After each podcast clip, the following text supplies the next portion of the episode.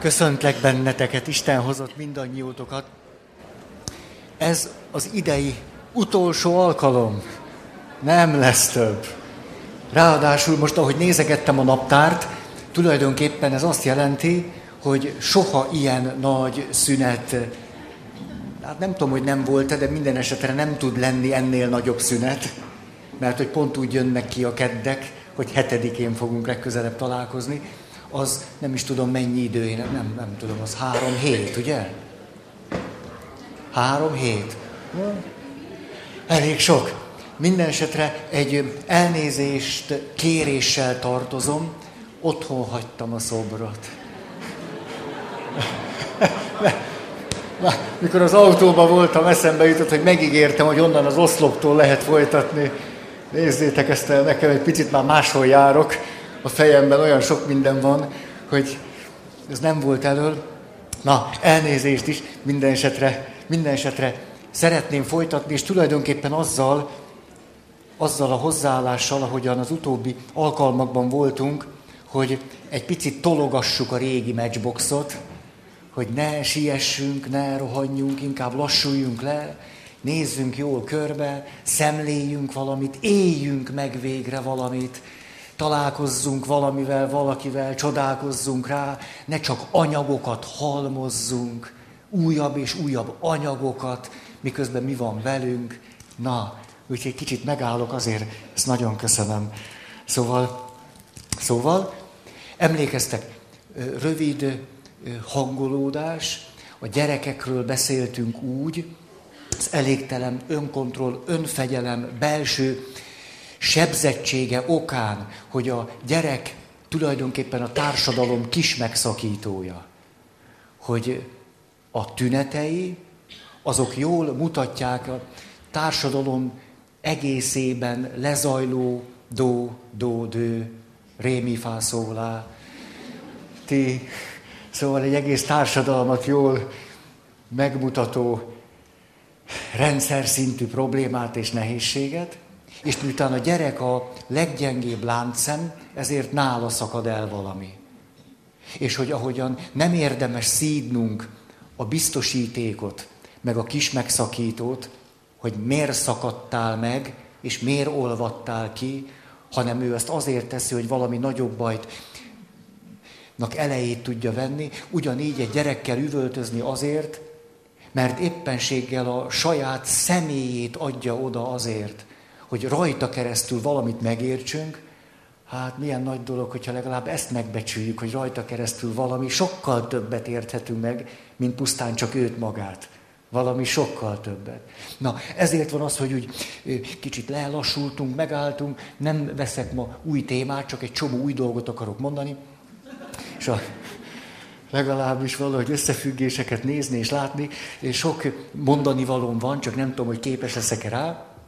Minden esetre, hát ez volt egy nagyon fontos témánk, és talán még egyet hoznék hangsúlyosan ide, ez pedig az, hogy arra csodálkoztunk rá, hogy nem egyszer, amikor azt mondjuk, hogy a gyereknek ilyennek és olyannak kell lennie, vagyis a gyereket neveljük, akkor a nevelés címszó alatt olyasmit engedünk meg magunknak, sőt olyasmit tartunk helyesnek és jónak, amit ha a gyerekünk csinálna, azt mondanánk rá, hogy neveletlen. Ha én ordítok a gyerekkel, akkor nevelem. Ha ő ordít, neveletlen. Ha én ráütök, nevelem. Ha üt rá a tesójára, neveletlen. Rendben van. Milyen döbbenetes azért mégiscsak, hogy sajátosan azért egy alá fölé rendelő hierarchikus világ van egy szülő meg egy gyerek között, és éppenséggel mi határozhatjuk meg azt, hogy mit, hogy nevezünk. A gyerek pedig egyszerűen csak próbálja megmutatni azt, hogy ő mit él közben meg. Tehát mi mondhatjuk azt, hogy mi nevelünk, és ő neveletlen, miközben nagyon gyakran felnőttként azt várjuk a gyerekektől, hogy úgy szabályozzák magukat, az érzelmi életüket, világukat, impulzusáikat, késztetéseiket, ahogyan mi magunk a sajátjainkat nem tudjuk szabályozni. Ezért azt is mondhatnánk, hogy tulajdonképpen nem a gyerek okozza az életünkben a zavart, hanem a saját érzelmi életünk, kézben tartási nehézsége. Ha tudnánk az érzelmi szabályozást, az impulzus kontrollt készségszinten gyakorolni, akkor nem kellene annyit rászólni a gyerekeinkre. Nem kellene a gyerekeinkben megpróbálni kézbe venni és uralni valamit, amit a saját életünkben nem tudunk. De miután itt egy sajátos realitás vesztésben vagyunk, ezért, és mert mi vagyunk hatalmi helyzetben, ezért mi mondhatjuk azt, hogy mi nevelünk, és a gyerek neveletlen. És hogy így fontos az a mondat, amit újból meg újból, gyere csak, gyere csak, hát ne, látod, örülök, hogy megjöttél. Hogy tényleg így van, tényleg, hát cindi. Hát, hogy akkor emlékeztek, ezt a mondatot fogalmaztuk meg, hogy nem a gyerekkel van a baj, hanem a baj van a gyerekkel. És hogy ez mennyire más üzenet. Nem a gyerekkel van a baj, hanem a baj van a gyerekkel. És ennyit akartam, és most egy kicsit valahogy, hogy is van, utolsó, utolsó matchbox még, amit elővennék, azóta is tologatom azt a másik két pirosat, köszönöm. Köszönöm. A előszobába letettem a sportautót, és hogy elmegyek, ott szoktam tologatni a... Tényleg, egy kicsit tolok rajta, és akkor úgy érzelmi biztonsággal megyek el. Tényleg így van. Mit, ti nem szoktátok így stabilizálni magatokat? Ti olyan normálisak vagytok, nem?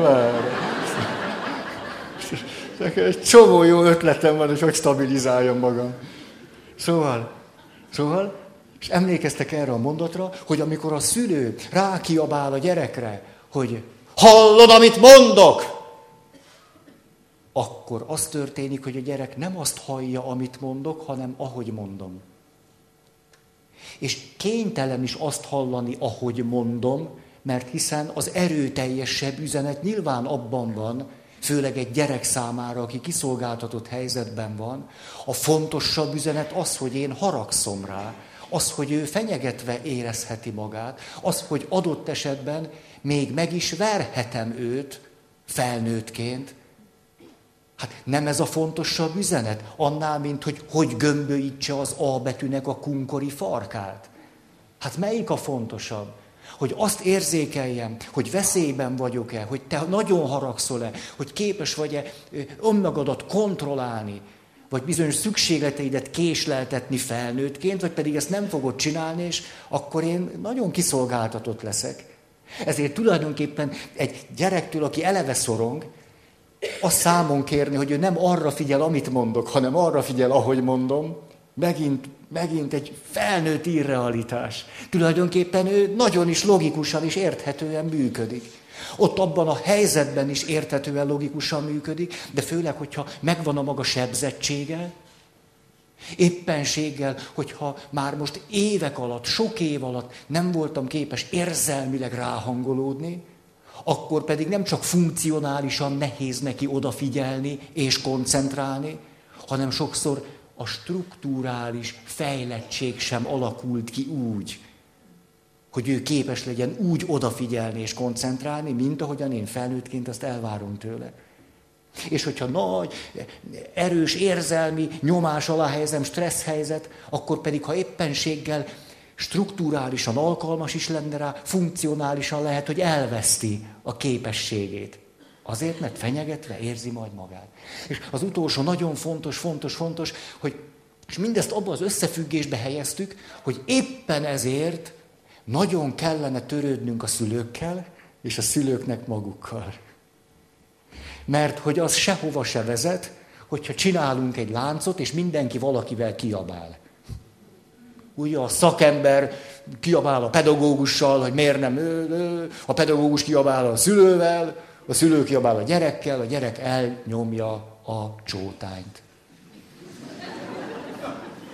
A csótány is élni akar. Szóval éppen, éppen a másik irányba megyünk, hogy elfogadjuk realitásnak, hogy a gyerek kiszolgáltatott, a szüleinek az érzelmi világában nő föl, akarva, akaratlanul, nem csak a fizikai világában, az érzelmi világában nő föl. Ezért tehát, ha egy szülő kevésbé szorong, ez jó hatással lesz a gyerekére. Ezért éppen, hogy éppen, hogy arra van szükség, hogy, hogy, ugye ezt most nem folytatom. Na, de úgy akarok tovább menni, hogy na akkor, emlékeztek, volt ez a mondat, hogy a kommunikáció tartalmát majd csomó komoly dolgot akarok mondani. Ez rossz hír. Hulla fáradtan itt ültök, és készültök karira, és akkor itt... De most, ha elosztjátok három hétre, tehát úgy vegyétek, három hét, nem tudom, van ilyen lapszám is, egy dupla szám, most az lesz, tehát ez összes történetet kivettem belőle, és kaptok anyagból egy dupla számot. Szóval, ugye, hogy a kommunikáció tartalmát a befogadó fél határozza meg. A kommunikáció tartalmát. Emlékeztek, egy kommunikációs alapigasság. Tehát hiába mondom azt neked, hogy sós a leves, ha te sebzet vagy, úgy hallod, hogy azt mondtam, hülye vagy. Te ezt fogod hallani. Szerencsétlen vagy, béna vagy, képtelen vagy egy normális levest megfőzni. Tehát rossz háziasszony vagy.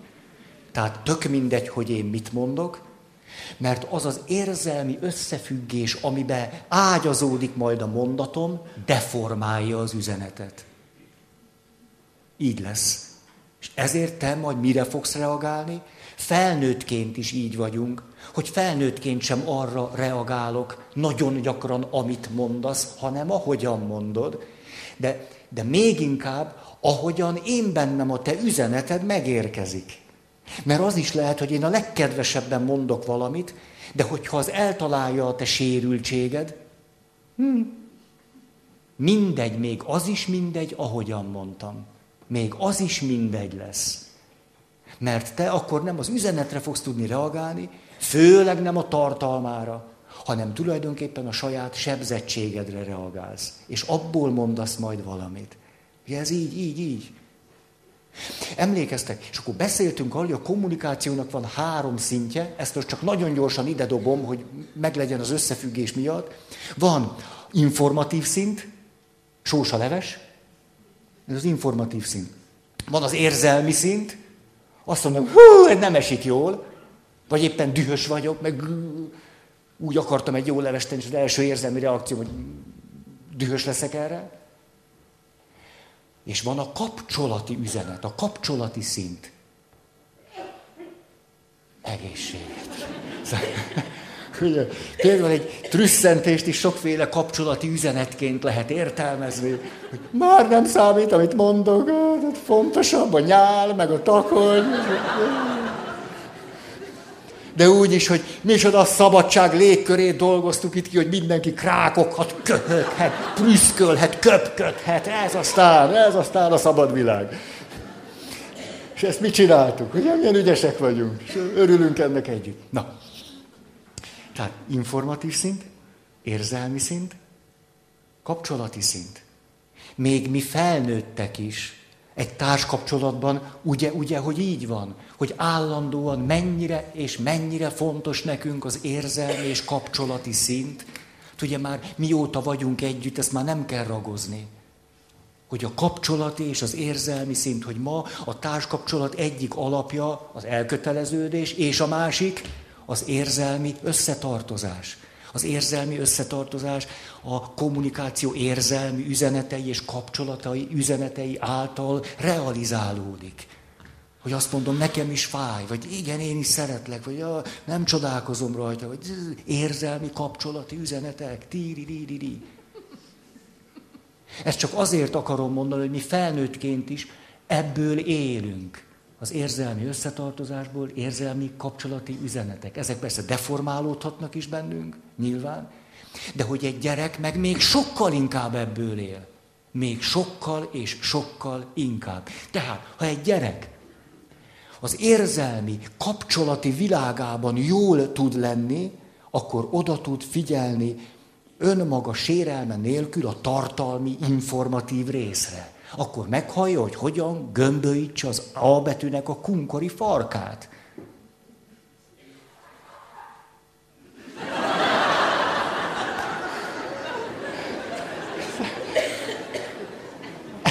Volt ott anyag bőven, úgy hallom. Ez az anyag megmaradás törvénye egy sajátos. Máshol van. Na jó. Szóval, szóval, szóval,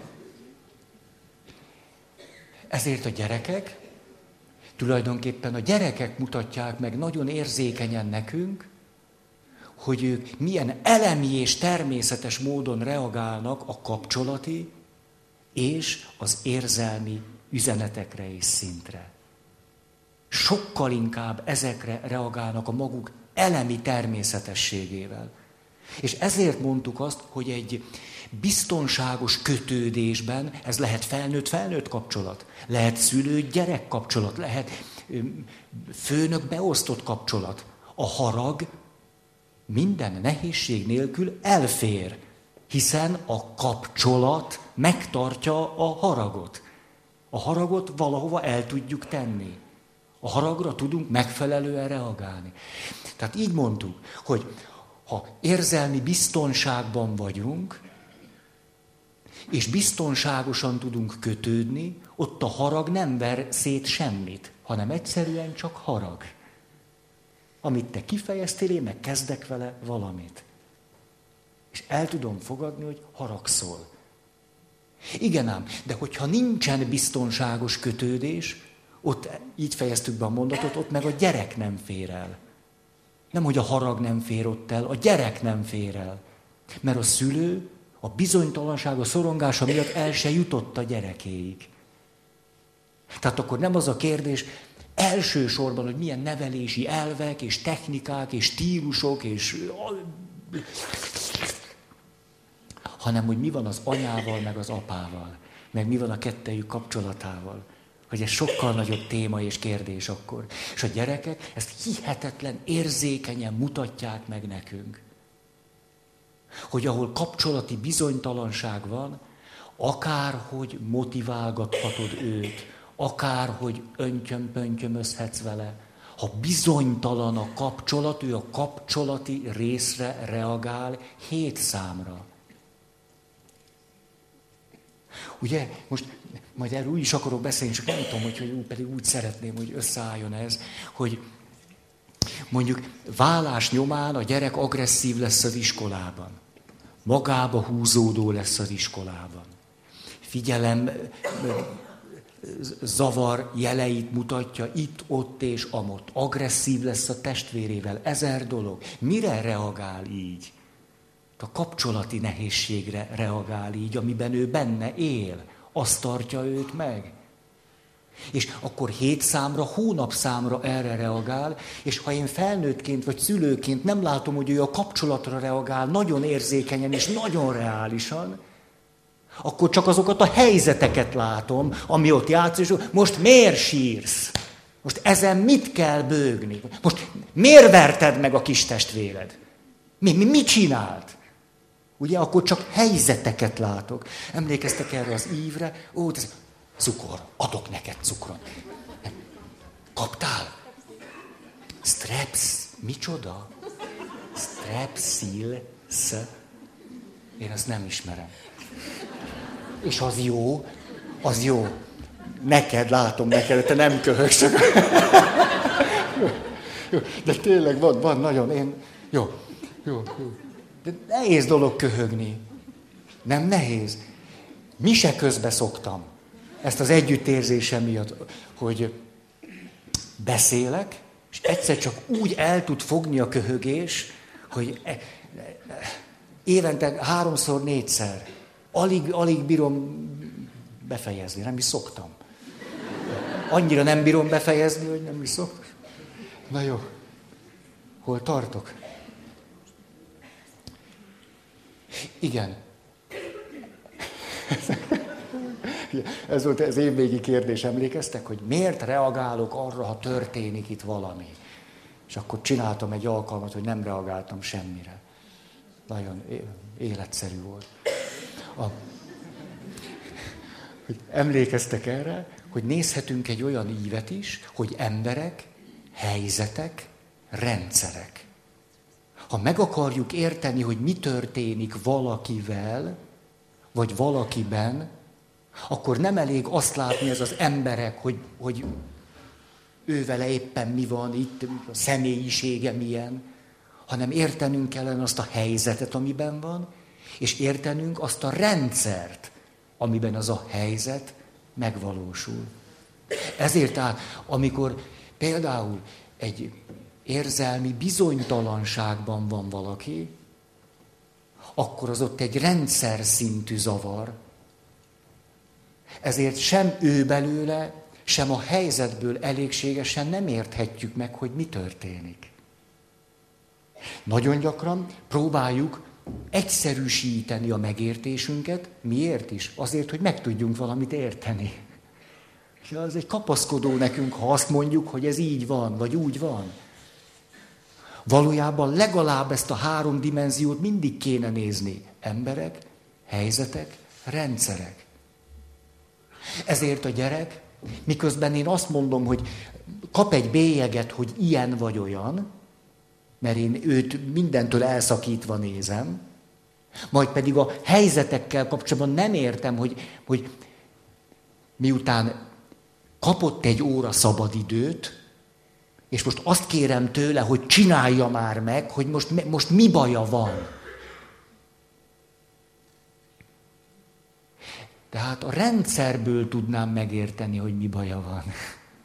És lehet, hogy ő a rendszerre reagál heteken, hónapokon, akár éveken keresztül. És amikor én megváltoztatom a rendszert, akkor egy gyerek még mindig reagál rá, hiszen az beivódott. Vekerdi Tamástól kérdezték egyszer, hogy mi a tapasztalata arról, hogyha egy szülő megpróbálja megváltoztatni a magatartását arra vonatkozóan, hogy többé igyekszik nem megverni a gyerekét, hogy akkor mi szokott történni. És akkor olyan érdekes nekem, hogy a Vekeri Tamás azt mondja, hogy mindig sokkal jobban és szabadabban éreztem magam a gyerekekkel. Mindig úgy éreztem, hogy az, az a közegem, hogy a felnőttek mindig egy picit idegenek maradtak számomra. És akkor ő azt mondja, hogy az szokott történni, hogy a szülő ezt elhatározza, akkor a gyerekek még rosszabbak lesznek. Vajon miért van így? Mert egy olyan rendszer szintű változást hoztunk létre, ami őt bizonytalanná teszi. Ezért a gyerek elkezdi provokálni a szüleit, még a szülő szóhasználatával éve még rosszabb lesz, szinte kiprovokálja a verést. Mi felnőttek, fölkelünk reggel a pofonunkért, és mikor megkapjuk, azt mondjuk, hogy tudtam, mondtam, hogy így van. Hogy azt meg, megmondtam, hogy ilyen az élet, meg a világ. Na, ha nincs benne semmi, ilyen, ilyen, na. A gyerek nem egy pofonér kell föl, hanem a verésért. Ha ő megszokta a verést, akkor ő föl fog kelni a verésért, és addig provokálja a szülőt, míg a szülő vissza nem csúszik a már jól ismert rendszer szintű működésébe. Mire a szülő a helyzetet úgy értelmezi, hát mi más is történt volna, hát csak meg kell verni. Hát látni való, hogy amikor kedves vagyok vele és megértő, akkor is ezt csinálja. Tehát ez miről szól, hogy rossz? Értitek? Ő azt mondja, hogy az emberrel ez van. Miközben ő a rendszerben létrehozott egy változást, amire a gyerek hogy reagál? Teljesen normálisan reagál a gyerek, bizonytalan lesz tőle. Hát eddig mindig az, kapott egy egyest, megverték, egyes, megverték, egyes, megverték. Érti, hogy ezekben a helyzetekben mi, hogyan szokott lenni. Ez pedig ezek a helyzetek, hogy ismétlődnek, a rendszer működését megtanítják vele, hogy hogy van nálunk a biztonság. Hát így. Egész biztos, hogy ez így fog történni. És amikor a rendszerben változás történik, a helyzetre a szülő másképp reagál, a gyerek bizonytalan lesz, és akármilyen furcsa, de látjuk ennek az erejét, mire fog reagálni? A rendszer szintű változásra. Mégpedig azzal, hogy bizonytalan, és a bizonytalanságát úgy fejezi majd ki, hogy és sajátosan, ha megverik egy hónap múlva, három hónap múlva, érdekes módon azt látjuk, hogy megnyugszik. A megnyugvása miről árulkodik? Arról, hogy na tessék, érdemes volt megverni, vagy hogy na így lehet jó megoldani ezt a helyzetet, máshogy nem is lehet, mint így, éppen nem. Hanem, hogy kiprovokálta azt a megszokottat, ami benne biztonságérzetet kelt arra nézve, hogy milyen az élet. Ezért Vekerdi Tamás azt mondja, hogy sokszor egy szülőnek több mint fél éven keresztül ki kell tartania, akkor is, ha a gyereke több mint fél éven keresztül egyre lehetetlenebb magatartás formákat mutat. Az nem árul, árulkodik, hogy ő ennyire rossz, hanem hogy ennyire bizonytalan. Hogy nem képes még elfogadni és befogadni azt, hogy itt egy változás történt, mert nem tud hozzá még valahogyan állni. A régihez tud hozzáállni. És ehhez az újhoz pedig nem tud még. Ez nagyon elmélet nektek?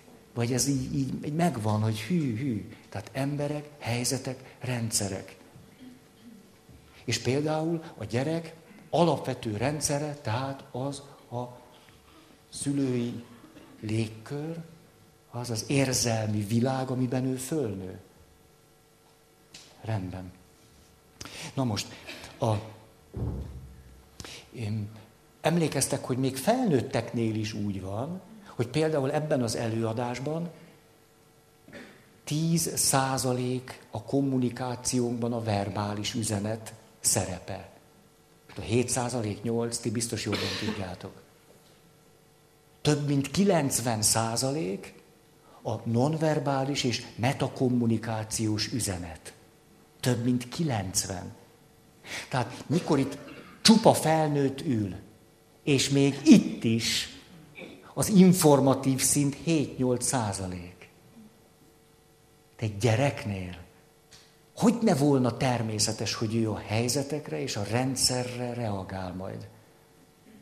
Ezért, ha az érzelmi és a kapcsolati üzenetek olyanok számára, hogy ott biztonságban érzi magát, akkor van a legnagyobb esélyünk arra, hogy az informatív részre tudjon figyelni.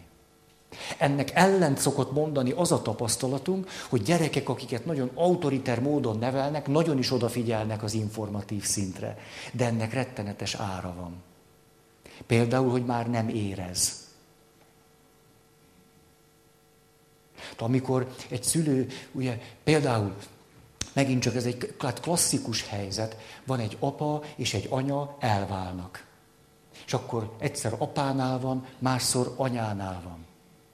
Most a anyánál állandóan balhé van, tombol, sír, akaratoskodik. Ugye miközben, hogy mennyi akarata van, az nagy kérdés, erről múltkor beszéltünk. Az apánál rendes. Megint azt gondolhatnánk, elsőre, és éppenséggel még így is lehet, hogy az apa jobb szülő. Nem de? Hát ügyesebben csinálja, és mert ügyesebben csinálja, jobban ért hozzá, ezért a gyerek erre jól tud reagálni. De láthatjuk fordítva is. Ez pedig úgy van, hogy az apjától jobban fél. Ezért a helyzetre és a kapcsolatra reagál. Nagyon is világos módon. Azt mondja, itt nem engedhetem meg magamnak. Ezért ott nagyon, nagyon sok reakciót benyel, és akkor két nap múlva, egy hét múlva visszamegy az anyjához, és ott... Miért? Mert ott nagyobb érzelmi biztonságban van. És ott megengedheti magának. Akkor éppen fordítva van, mint ahogy gondolnánk. Gyerek, aki az iskolában rendes, és otthon pedig elszabadul körülötte a pokol. Hm? Akkor nagyon valószínű, hogy otthon megengedheti magának. Most, hogy ez mit jelent, ez egy másik nagy kérdés.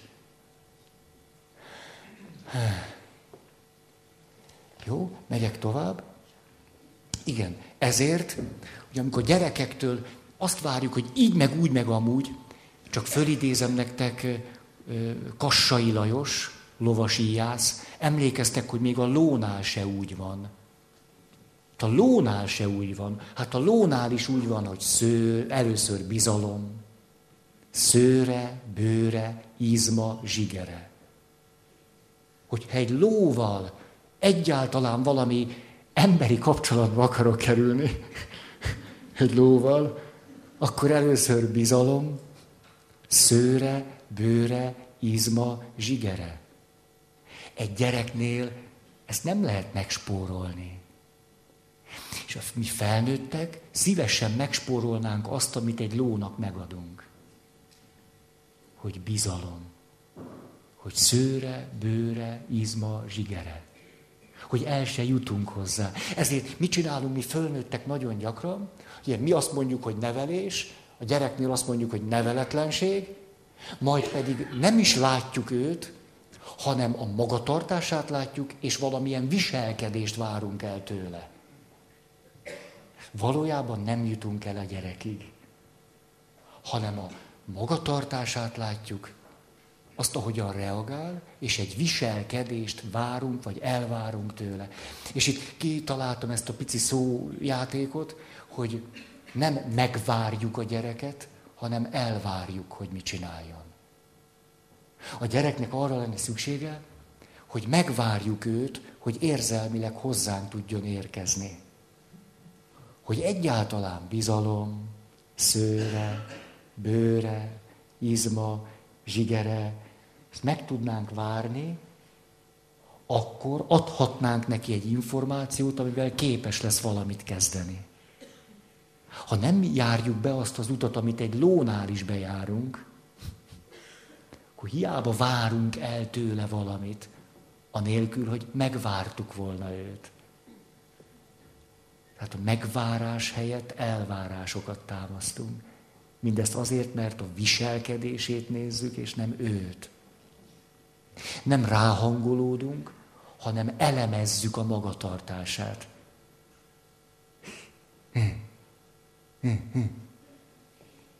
Hú, megyek tovább.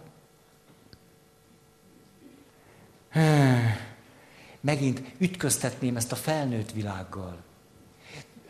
Az egyik legnagyobb nehézségem, ahogy például az alkalom után odajöttök hozzám, és azt mondjátok, hogy lehet-e velem beszélgetni.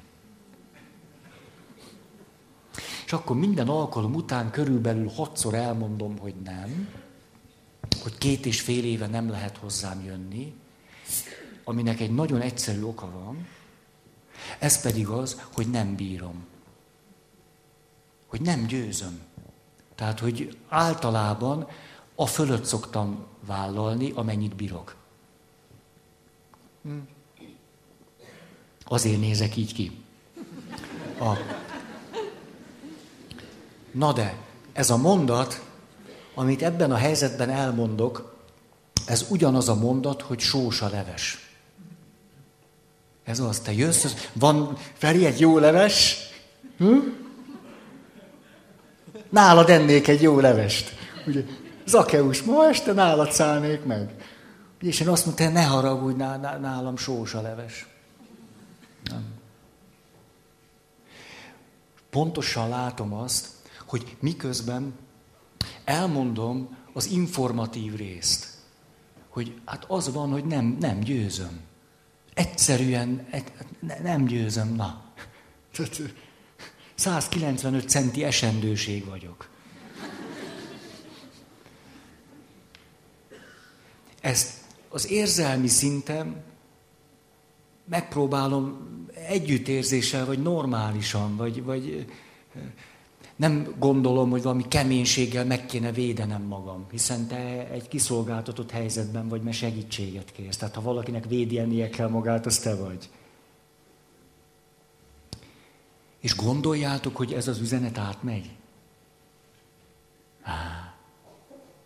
Nem megy át, és akárhogy csinálom, ugye az üzenet tartalmát a befogadó fél határozza meg és éppenséggel annak összefüggésében, hogy ki, ki hogy van. Tulajdonképpen a kapcsolati, főleg a kapcsolati és érzelmi szintre, de még inkább a saját sérültségére tud valaki ilyenkor válaszolni. Ezért például nagyon sokan nem tudják ezt nem elutasításként hallani. Vagy kirekesztésként, vagy megvetésként, vagy fenyegetésként, vagy elárulásként, vagy Miközben én bennem az nincsen. De ott az már egy egész, egész más, más világá alakul. És nincs a kezemben. Ezt azért akarom mondani, hogy mi felnőttek egy egyszerű helyzetben, mikor látszólag egy felnőtt beszél egy felnőttel. Hát miért? Hát legfeljebb azt mondja, nem érek rá. Te erre azt mondod, hogy ó, sajnálom. Ez pont a sós a leves. Jaj, de kár. Ha ez így lenne, ugye? De hát a levesnél sincs így. Hát Virginia Satir azt mondta, 10% alatt van azoknak az aránya, akik képesek hitelesen kommunikálni számukra érzelmileg nehéz helyzetben. 10% alatt. A Magatartás Tudományi Intézet legújabb kutatása, lehet, hogy hallottátok, hogy megcsinálják időről időre magyar lelkiállapot vizsgálata. És emlékszem, hogy több helyen beszéltem erről, hogy két évvel ezelőtt, a két évvel ezelőtti kutatásban az volt, hogy a mai magyar felnőtt lakosság 50%-a nem tud biztonságosan kötődni.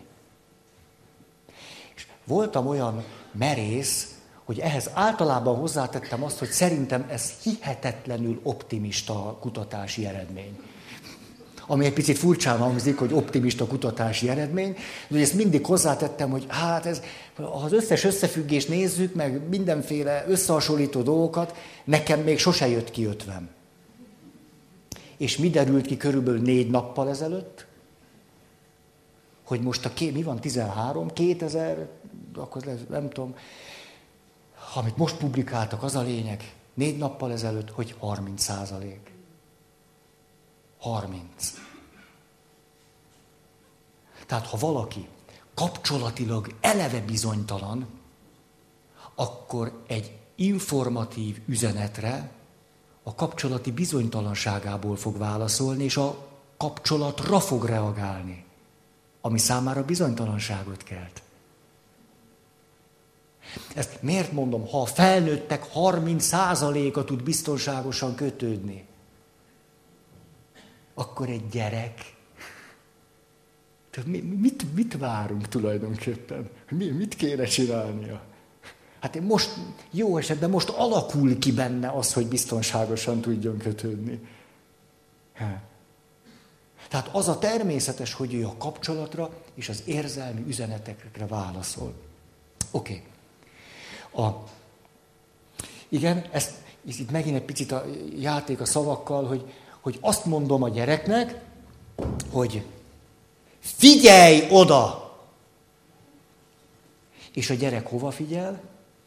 Rám. Minél inkább kiabálok vele, hogy figyelj már oda, ő annál inkább figyel rám. És megint csak azt mondhatjuk, hogy ő jár el reálisan. Mert sokkal fontosabb az, hogy én mit csinálok, mint hogy mi van a papíron. Oké? Okay? Na most, tulajdonképpen, amit eddig így, az ingem, ugye? Vagy nem? Az nem? Nem, nektek nem. Ilyenkor szokott egész lenni. Pontosan így van. De erről már beszéltem nektek, vagy figyeljétek meg, mindig, amikor rájövök, hogy lecsúszik a gatyám, akkor van egész.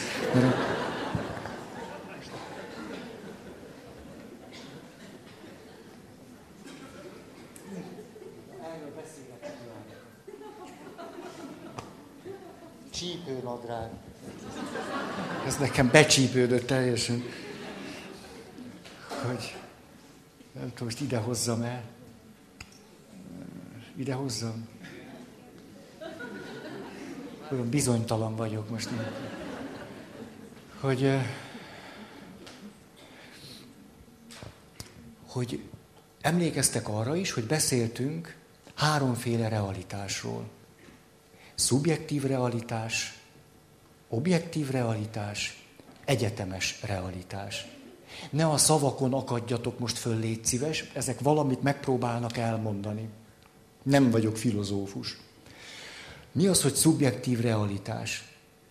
Az, amit én szubjektív módon átélek, például, mondom az egyszerű példát, hogy délután lefeküdt valamelyikőtök aludni, és jól kialudtad magad, és azt mondod, hát olyan friss vagyok, mintha reggel lenne. Ez egy szubjektív realitás. Az objektív realitás az, hogy este van, Az egyetemes realitás azonban nem az, hogy este van, mert a Föld ott reggel van. De azt mondhatjuk, hogy van, ahol este van, és van, ahol reggel van. Hogy az esték és reggelek szoktak váltakozni. Ez az egyetemes realitás. Az ember élethez hozzá tartozik, hogy valahogy a nap változásával együtt valamit érzékelünk így, hogy este reggel. Na most, minél inkább sebzet vagyok, annál inkább a szubjektív realitásból és erre a szubjektív realitással meghatározott világra reagálok. Nem az objektív realitásra reagálok, hanem a szubjektívre, és abból reagálok. De az is realitás, csak szubjektív realitás. Tehát mondhatnánk azt, hogy elvesztette a realitás érzékét. Ugye emlékeztek a segítő, aki azt mondta, minden kliensemnek van egy közös pontja, sebzett viszony a realitáshoz. Az objektív, vagy az egyetemes realitáshoz. De azt is mondhatnánk, hogy nagyon is hűséges a maga szubjektív realitásához. Ha egy felnőtt, egy ártatlan helyzetben megdermed, és nem tud reagálni, akkor azt mondjuk, hát, hát, hát ez a helyzetből nem jön ki. Hát ez irreális, hogy te így lefagytál. Hát irreális, hogy nem tudod elmondani a gondolatodat. Hát irreális, hogy adok egy mikrofont itt a színpadon, és nem tudsz beszélni. Hát miért ne tudnál? Ja, valaki itt kiáll, és elkezd félni, az egy szubjektív realitás. De a szubjektív realitást miért hívom realitásnak? Mert ő mit él át? Azt, hogy most nagyon sokan nézik, elindít benne egy változást, elkezd félni, egy teljesen szubjektív dolog, de az realitás, amitől ő elkezd félni, ez pedig az, hogy elvesztem a józan eszem. Vagy elvesztem a cselekvő képességem. Vagy majd elkezdek hülyeségeket beszélni. Vagy azt se tudom, hogy mit mondok.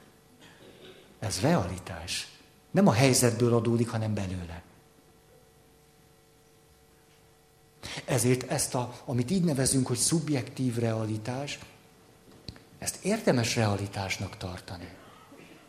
És akkor mi a dolgunk? Ezt egy képpel szeretném megmutatni, hogy képzeljünk el valakit, aki, kit képzeljünk el? Hát annyi példa lehet. Egy nőt, aki fél a férfiaktól. Plö. Képzeljünk el egy férfit. Ó, te jó ég. Meg sem merem mutatni, ez legyen ő.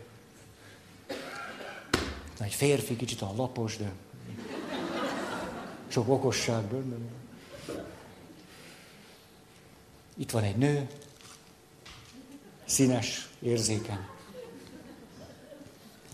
És azt mondja 30 évesen, vagy 16 évesen, vagy 42 évesen, hogy nem tudom, egyszerűen félek a, félek a férfiaktól. Nem tudom, nekem olyan ismeretlen világ ezek a férfiak, és bizonytalan leszek, már azt se tudom, mit csináljak. Hát szeretnék megházasodni, csak annyira izé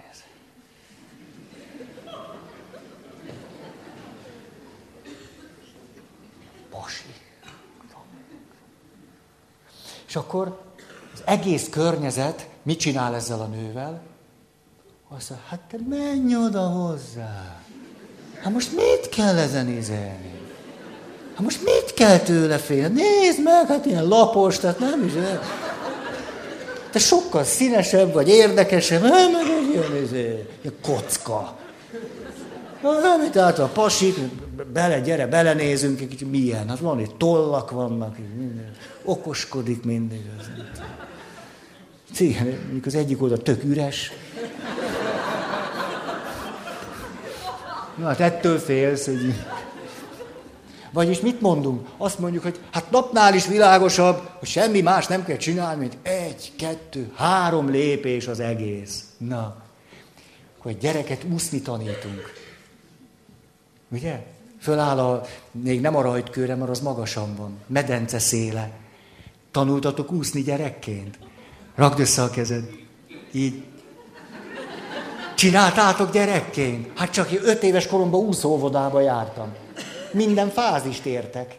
Mind, minden, itt van, zsigerileg tudom. A lényeg, hogy mínusz 10 fok legyen, és tél.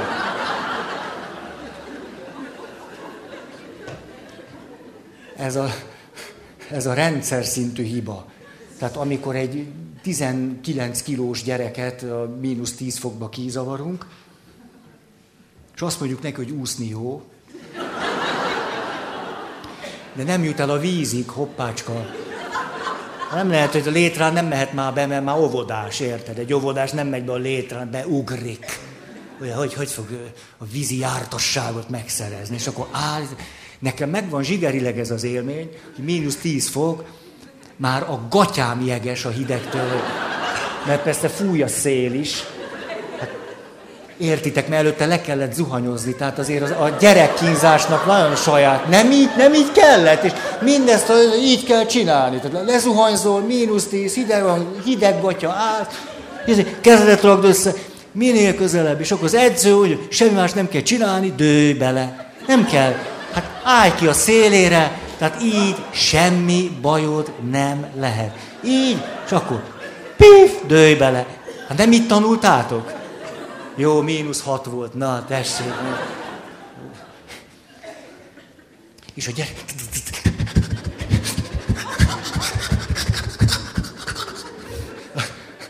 Az edzőm azt csinálta egyébként. Azt mondta, menj föl tíz méteresre. Sportuszoda. Ugorj! Tényleg. Nem voltam hat éves, leugrottam a tízesről. Igen. Csak... Mit látunk kívülről? Azt mondjuk, hogy most ezen, hát csak előre kéne dőlni egy tígy, semmit nem, tehát semmi baja nem tud, de a búvárok vannak lenn. Hát igaz, hogy tavaly télen fagytak oda, de ott, ott, ott, tehát látni lehet, hogy ott vannak. és nem. Mi történik? A szubjektív realitás erősebb az objektívnél. Mert a szubjektív realitás, hogy ő fél, hogy fél valamitől. Az, amitől fél, az nem reális. Hogy most beesni a vízbe, ez nem reális. De a félelemnek a mélye, hogy történhet velem valami olyan baj, amit nem, nem tudok kontrollálni. Hogy elveszhetek, akkor ki fog engem meg? Tehát, hogy, hogy, hogy rettegés attól, hogy úgy elveszek, hogy ne, nem lesz ott senki. Hát ez reális félelem, ez egy egzisztenciális szorongás. Neki éppen ott mínusz tízbe jön elő, és hiába fázik már, mert... Akkor ez nagyon is reális az ő, az ő egzisztenciális szorongása. Csak nem a helyzetből érthető meg. Na most mi akkor azt mondjuk, hogy hát három lépés, Brünnhildám drága, egy, gyere, fogom a kezed, kettő, de az én kezem te fogd meg, ott egy férfi van, te! Mikor válik lehetséges, hogy a didergő kisgyerek beugorjon a medencébe? Hogyha ez az út, meg ez a távolság, ez belül elkészült. Neki belül nincs meg az út. Ha valakinek belül megvan az út, akkor kívül meg tudja csinálni. Tehát üvöltözhetek vele, hogy nem vagy reális, amikor félsz attól, hogy ide gyere. Hanem akkor azt tudhatom, hogy azért nem megy oda, mert belül az út nincs kidolgozva. Tehát ha belül ki tudjuk dolgozni az utat, akkor kívül meg fogja tudni csinálni. Vagyis a szubjektív realitás ezért csak találkozik az objektívvel. És akkor az objektív realitás alapján tudok ugrani. Azt mondja, jó, hát tényleg semmi bajom nem lesz, sőt, még meleg is lesz. A víz 21 fokos, kint meg mínusz 10 van, 30 fokkal melegebb, plusz egy.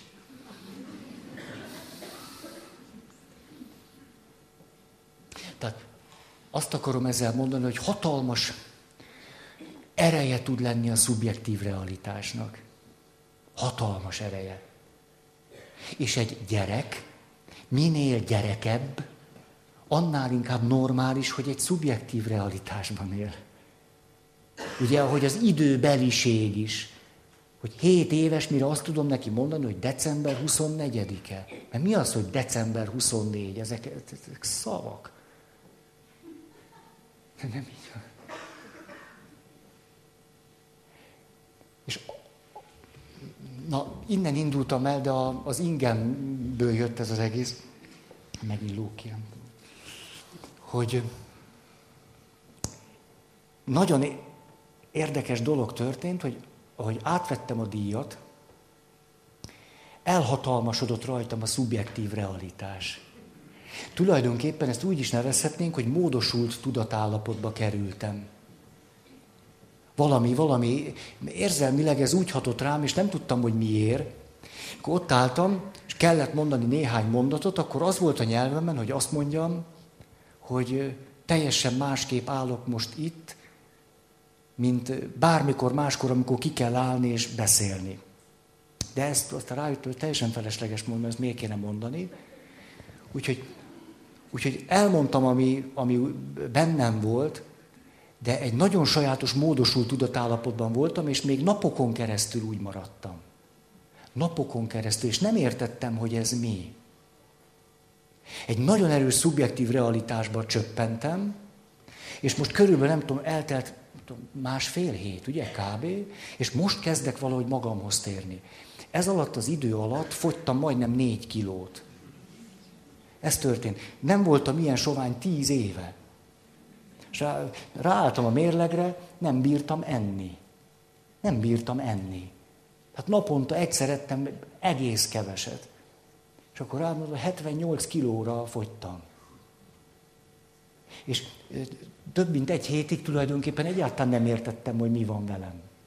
Most se állítom, hogy értem, de, de valami olyasmire jutottam, hogy, és ezt a témánk miatt hoztam ide, hogy egy szubjektív realitásban éltem, mégpedig azért, mert introvertált vagyok. Én befelé forduló vagyok alaptermészetileg.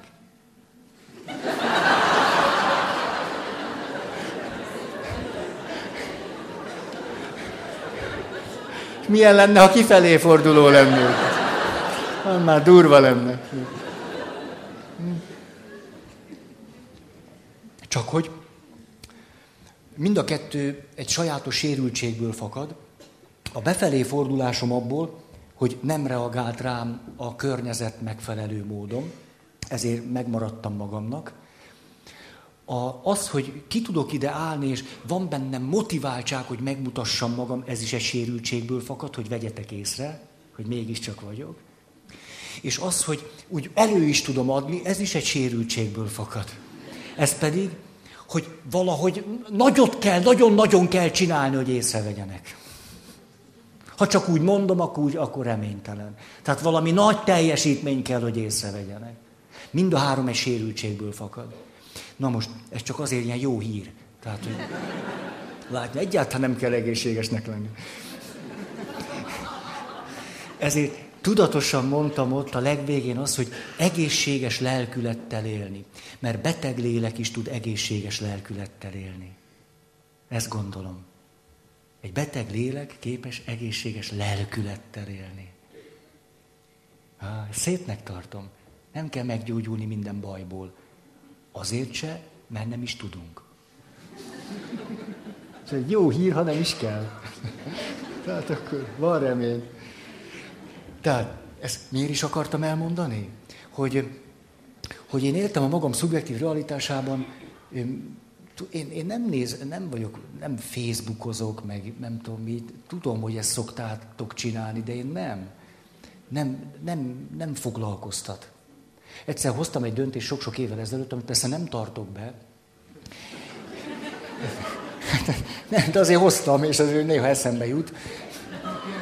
Ez így szól, hogy megpróbálok az életemben csak olyasmit használni, vagy valami olyan, olyannal, amire szükségem van. Tehát, hogy igyekszem olyan, nem tudom, dolgokat nem, amire nincs szükségem. Most például a Facebooknál nem látom, hogy szükségem lenne rá. Nem, még semmi nem győzött meg róla. Tehát ezt miért is mondom? Mert hogy egyáltalán nem számítottam arra, hogy közönségdíjas leszek. Én egy kicsit se. Miközben egy csomóan azt mondták, hát Feri, hát ennyire hülye vagy? Hát, hogy, hogy nem számítottál erre? De én nem látom magam kívülről, mert alapvetően belülről látom magam, mert introvertált vagyok. Nem a szerint élek, hogy ti engem láttok, hanem hogy én belül megélem magam. Ez a szubjektív realitás. Mert belül megélem valahogy. Ha extravertált lennék, akkor nagyon számítana, hogy hogy láttok, mert abból építkeznék. De én nem abból építkezek, hogy ti láttok engem, hanem hogy én látom magam. Egyszerűen csak egy sérülés. Ezzel azt akarom mondani, hogy volt egy szubjektív realitás, és hirtelen azzal, hogy ott azt mondták, hogy közönségdíj, találkoztam egy objektív realitással, és a kettő összeütközött egymással. Tulajdonképpen ettől lettem rosszul. Tehát egy nagyon ambivalens dolog történt, hogy nagyon örültem, és nem tudtam, hogy mit kell csinálnom. Nem az örömömmel, hanem hogy ezután most mit kell, mit kell azzal csinálnom, hogy ti így néztek rám, vagy hogy, hogy, hogy azt mondtátok, hogy szavazunk a Ferire, hogy ezzel én nekem most mit kell csinálni. Mert hogy mi, miért kéne rám szavazni? Értitek? Miért? Nem is értem. Ez az, amit nem szoktak érteni, hogy én miért nem értem. Na most, ez a szubjektív és objektív realitás így összeütközött bennem, és ettől nem tudtam enni. Nem tudtam, hogy most ezután hogy éljek. Most mi, most mi van? Mit kell ezzel kezdenem? És aztán tegnap megértettem, hogy tulajdonképpen az volt nekem ebben nehéz, hogy szintén ez a negyedik sérülésem, hogy a családban megtanultam túlzott felelősséget vállalni. Tehát nagyon korán nem hogy felnőtt, hanem szülő szerepbe kerültem. Nagyon korán, gyerekként. És ahogyan ti rám szavaztatok, egyszer csak ez annyira megnyomott engem, hogy a felelősség része érkezett meg hozzám.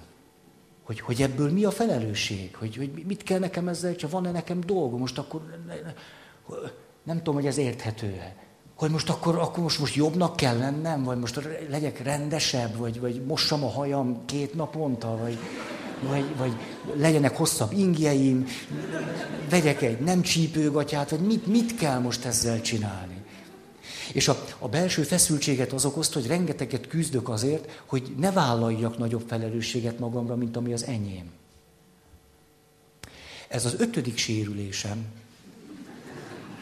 hogy amikor küldetés tudatért kellett sorba állni, akkor én kétszer is beálltam. Tehát eleve van egy hajlamom, már egy ilyen pozitív indítatásból is, hogy ide nekem kétszer annyit, mert... Hát tulajdonképpen most tíz napja azon küzdök, hogy annyit vegyek erre, ebből magamra, amennyi rám tartozik.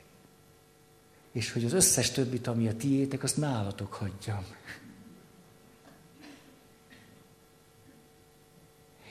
És azért akartam ezt elmondani, mert ugye, hogy készülök egy témára, azt mindig át szoktam gyúrni magamon.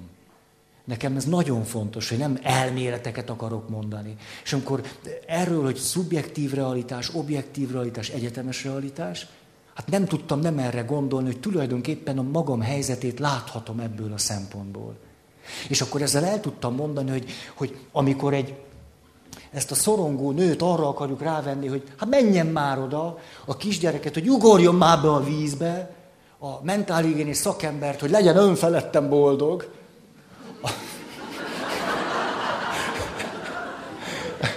Akkor olyasmit kérünk tőle, ami belül nincsen kidolgozva, neki ott nincs út. Hát mi kívül azt mondja, mi, hogy, hogy nincs út? Hát ott, ott van az út. Hát itt van, ott a gyerek, ott a medence, mit kell ezen annyit agyalni? De belül nincs kidolgozva. Rendi csak ez? És ha belül én bennem ez a szubjektív világ találkozni tud a, a külsővel, akkor tudok majd ezzel mit kezdeni. De ameddig ezt az utat én belül nem dolgozom ki, a kettő külön van.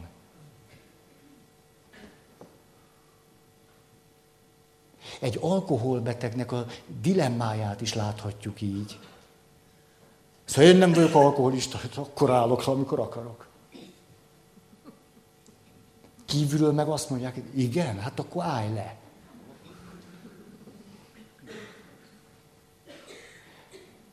Ha ő ki tudná dolgozni az utat a két része között, a között, aki azt mondja, hogy le kell állnom, és a sérült között, aki azt mondja, hogy semmi baj nincs velem. Azért nem áll le, mert néha abban a részében van, hogy pontosan tudom, mi a helyes, csak hogy ez a valaki nem ér el addig, aki azt mondja, hogy nincsen semmi bajom. Ameddig ez a két rész nem tud egymással találkozni, hanem mindig vagy az egyikben van, vagy a másikban, addig nem fogja lerakni az alkoholt. Mert ő néha az egyikben van, és néha a másikban. Akkor az egyikben van, fütyül a másikra. Sőt, nem is tudatosul benne, hogy a másik van. Mert mikor iszik, akkor nem érdekli őt, hogy mi van. Vagy ha érdekli, akkor még többet iszik.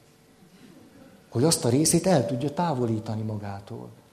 És amikor pedig hozhatna egy szabad döntést, hogy mostantól kezdve nem iszom, mert látni való, hogy mi történik akkor, amikor iszom, ezt akkor tudná megtenni, hogyha amikor az egészséges részében van, látná a nem egészségeset, de azt éppen tagadja. Ezzel azt akarom mondani, hogy amikor mi látványosan nem értjük, hogy egy gyerek valamit miért nem csinál meg, ami annyi lenne, hogy a papírokat végre valahára rakja be a fiókjába. Ennyi. Tulajdonképpen nagy kérdés, hogy neki ez belül megvan-e, vagy pedig itt ezer sárkányjal viaskodik közben. Ez az ő szubjektív realitása, de annak van realitása. Hí, nézem az időt most felét sem mondtam el. Jó? Jó. Hű. Hát ezt nem is tudom. Még a nehezét ide teszem nektek. Ezért ja, vannak nagyon nagy témák. Például valaki azt mondja, megcsaltam a feleségem. Ferenc atya. Nem szoktak így hívni, de ilyen nehéz ügy van, akkor igen. Most megmondjam-e a feleségemnek, vagy ne? Ez egy téma. A helyzet hasonló ahhoz, amikor a szülő nem a gyerekét látja, hanem a magatartását. Nem az a kérdés, hogy most ezt elmondja vagy ne, mert ugye rögtön lesz két nagy tábor. Az egyik azt mondja, kérem szépen, vagy őszintén, vagy sehogy. Hát mi egy hazugság, hazugságból akarod élni tovább az életed? Egy hazugságból? Hát meg kell mondani. Az objektív realitáshoz kell közelebb vinni kettőtök kapcsolat. Ez így történt, akkor ezzel kell valamit kezdeni. Másik, azt mondja, Láttam én már karón barnyót. Hogy az egyik nagy bűnbánattal megmondta, azt a házasság meg szétesett. Mert akinek megmondták, nem bírta elviselni. Na, akkor érdemes. Ha a témáig jutok el, valójában azt kell mondanom, hogy nem tudok válaszolni a kérdésre. Ilyet mondhatok, hogy néha így van, néha meg úgy. Az is igaz, hogy hazugságra nem lehet egy kapcsolatot építeni. Egy hazugságra, hogy hogy, hogy épít, az, hát az rettenetes. Hogy lesz abból élet, intimitás, hűség, bizalom, megbízhatóság. De az is igaz, hogy vannak olyanok, akik ha találkoznak egy olyan realitással, amit nem bírnak elviselni, akkor padlót fognak. Ez is realitás. Tehát, ahogy múltkor is beszéltünk erről a kérdés, hogy, hogy te veled mi van? A gyereknél is ez a kérdés. Most tulajdonképpen, igen, mi van veled? Van, aki kész arra, hogy az ő szubjektív realitását kiegészítse egy objektív valamivel. De például valaki nagyon narcisztikus, és meghallja, hogy megcsalták,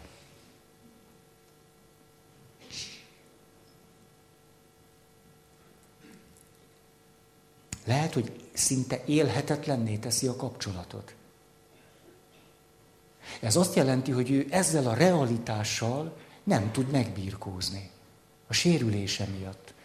Valójában mi mindannyian így vagyunk, hogy van olyan realitás, amivel meg tudunk birkózni, most objektív vagy egyetemes realitásról beszélek, és van, amivel éppen nem tudunk. És az is realitás, hogy néha nem tudunk. Most mondom a még, még nagyobb nehezét, hogy ezért, ahogy most, most akkor lehet-e válni, vagy nem? Na, most akkor vigyük-e bölcsödébe a gyereket, vagy nem? Hát ezekre lehet épeszű választ adni? Szerintem nem lehet.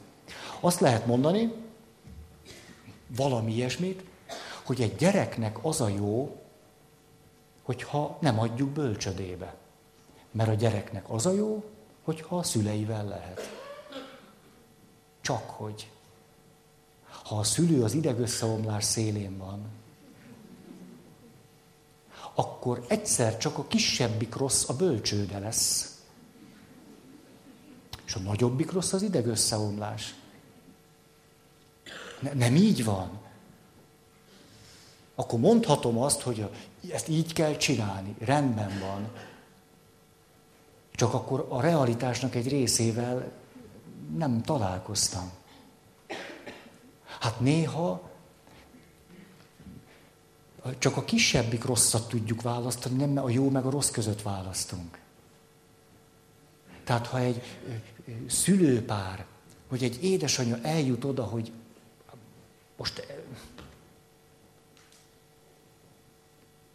most a kérdés tehát az, szerintem ez az érdekesebb kérdés, hogy amikor ez megtörténik, akkor a szülő, a nő, az édesanyja mere ezzel a realitással találkozni, vagy nem. Ha elég erős, akkor azt mondja, én most a szubjektív realitásban úgy érzem, hogy menten szétesek darabjaimra, atomjaimra hullok, és egyszerűen kész vagyok teljesen. És ez realitás, szubjektív, de realitás. Az objektív az, hogy a gyereknek nem lesz jó, hogyha betesszük bölcsödébe. De ez a realitáshoz az is hozzátartozik, hogy még lehet, hogy ez a legjobb megoldás. De a realitáshoz az is hozzátartozik, hogy ennek meg lesznek a következményei. És a következményeket az édesanyának érdemes lenne vállalnia. Miközben ő lehet, hogy a helyzetben a legjobb döntést hozza. De akkor is meg lesznek a következményei. És akkor marad a realitásban, ha ezeket a negatív következményeket nem bagatelizálja, hanem azt mondja, hogy igen, ennek a, egyébként a helyzetnek még a legjobb döntésből is ez következik, és ezt a, ennek a felelősségét próbálom vállalni. Mert hogy a gyerekkel duplán kiszúrok, ha azt mondom, hogy nem ismerem el, hogy ez neked joggal hiányokat, fájdalmakat okozott. De a kérdés az az, hogy ő képes-e erre a fokú objektív realitásra, vagy nem. Mert ha nagyon szorong és nagyon rosszul van, akkor éppenséggel az objektív realitásnak egy nagy részét el fogja hárítani magától, mert nem tudja elviselni. Érthető ez? Nem viselhető el, egyszer nem hordozható el. Ezért ugyani ezeknél a kérdéseknél ezeket nagyon fokozottan érzékenyen látom. Tehát megcsalás, vállás, abortusz,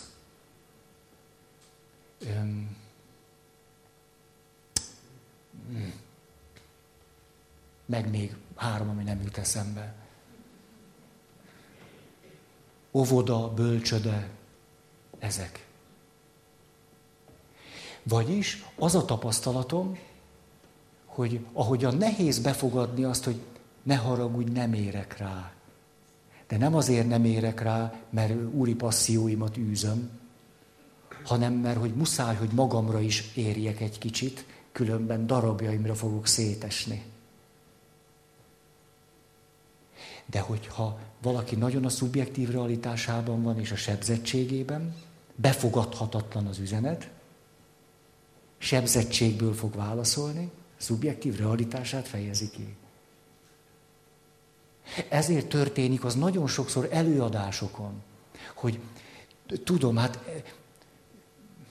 nyilvánvaló sokan elváltatók, beadtátok a gyereket két évesen a bölcsödébe, tim, tim, tim.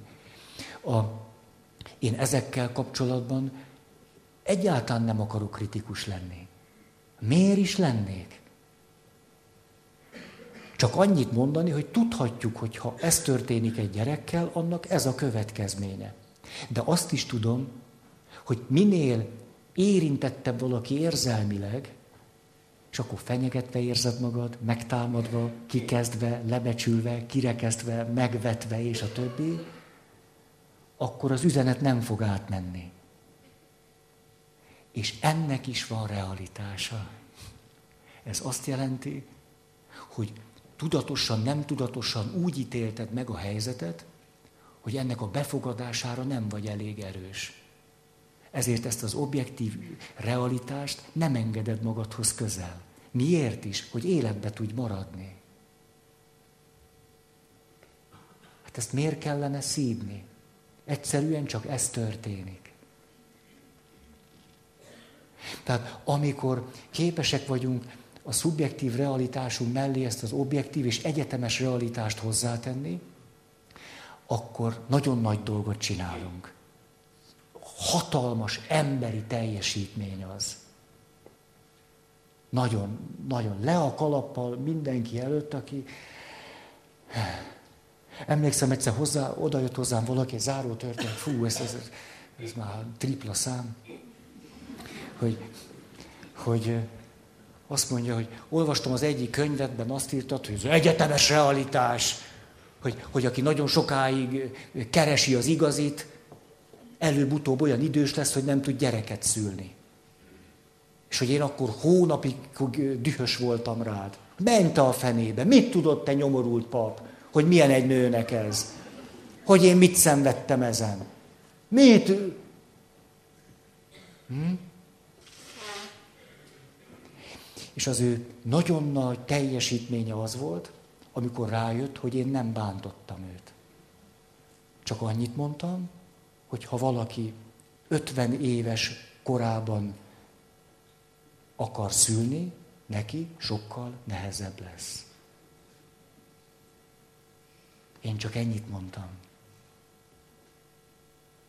Ha?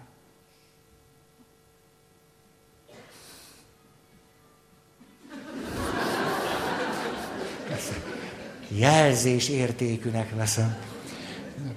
Nagyon köszönöm a figyelmeteket.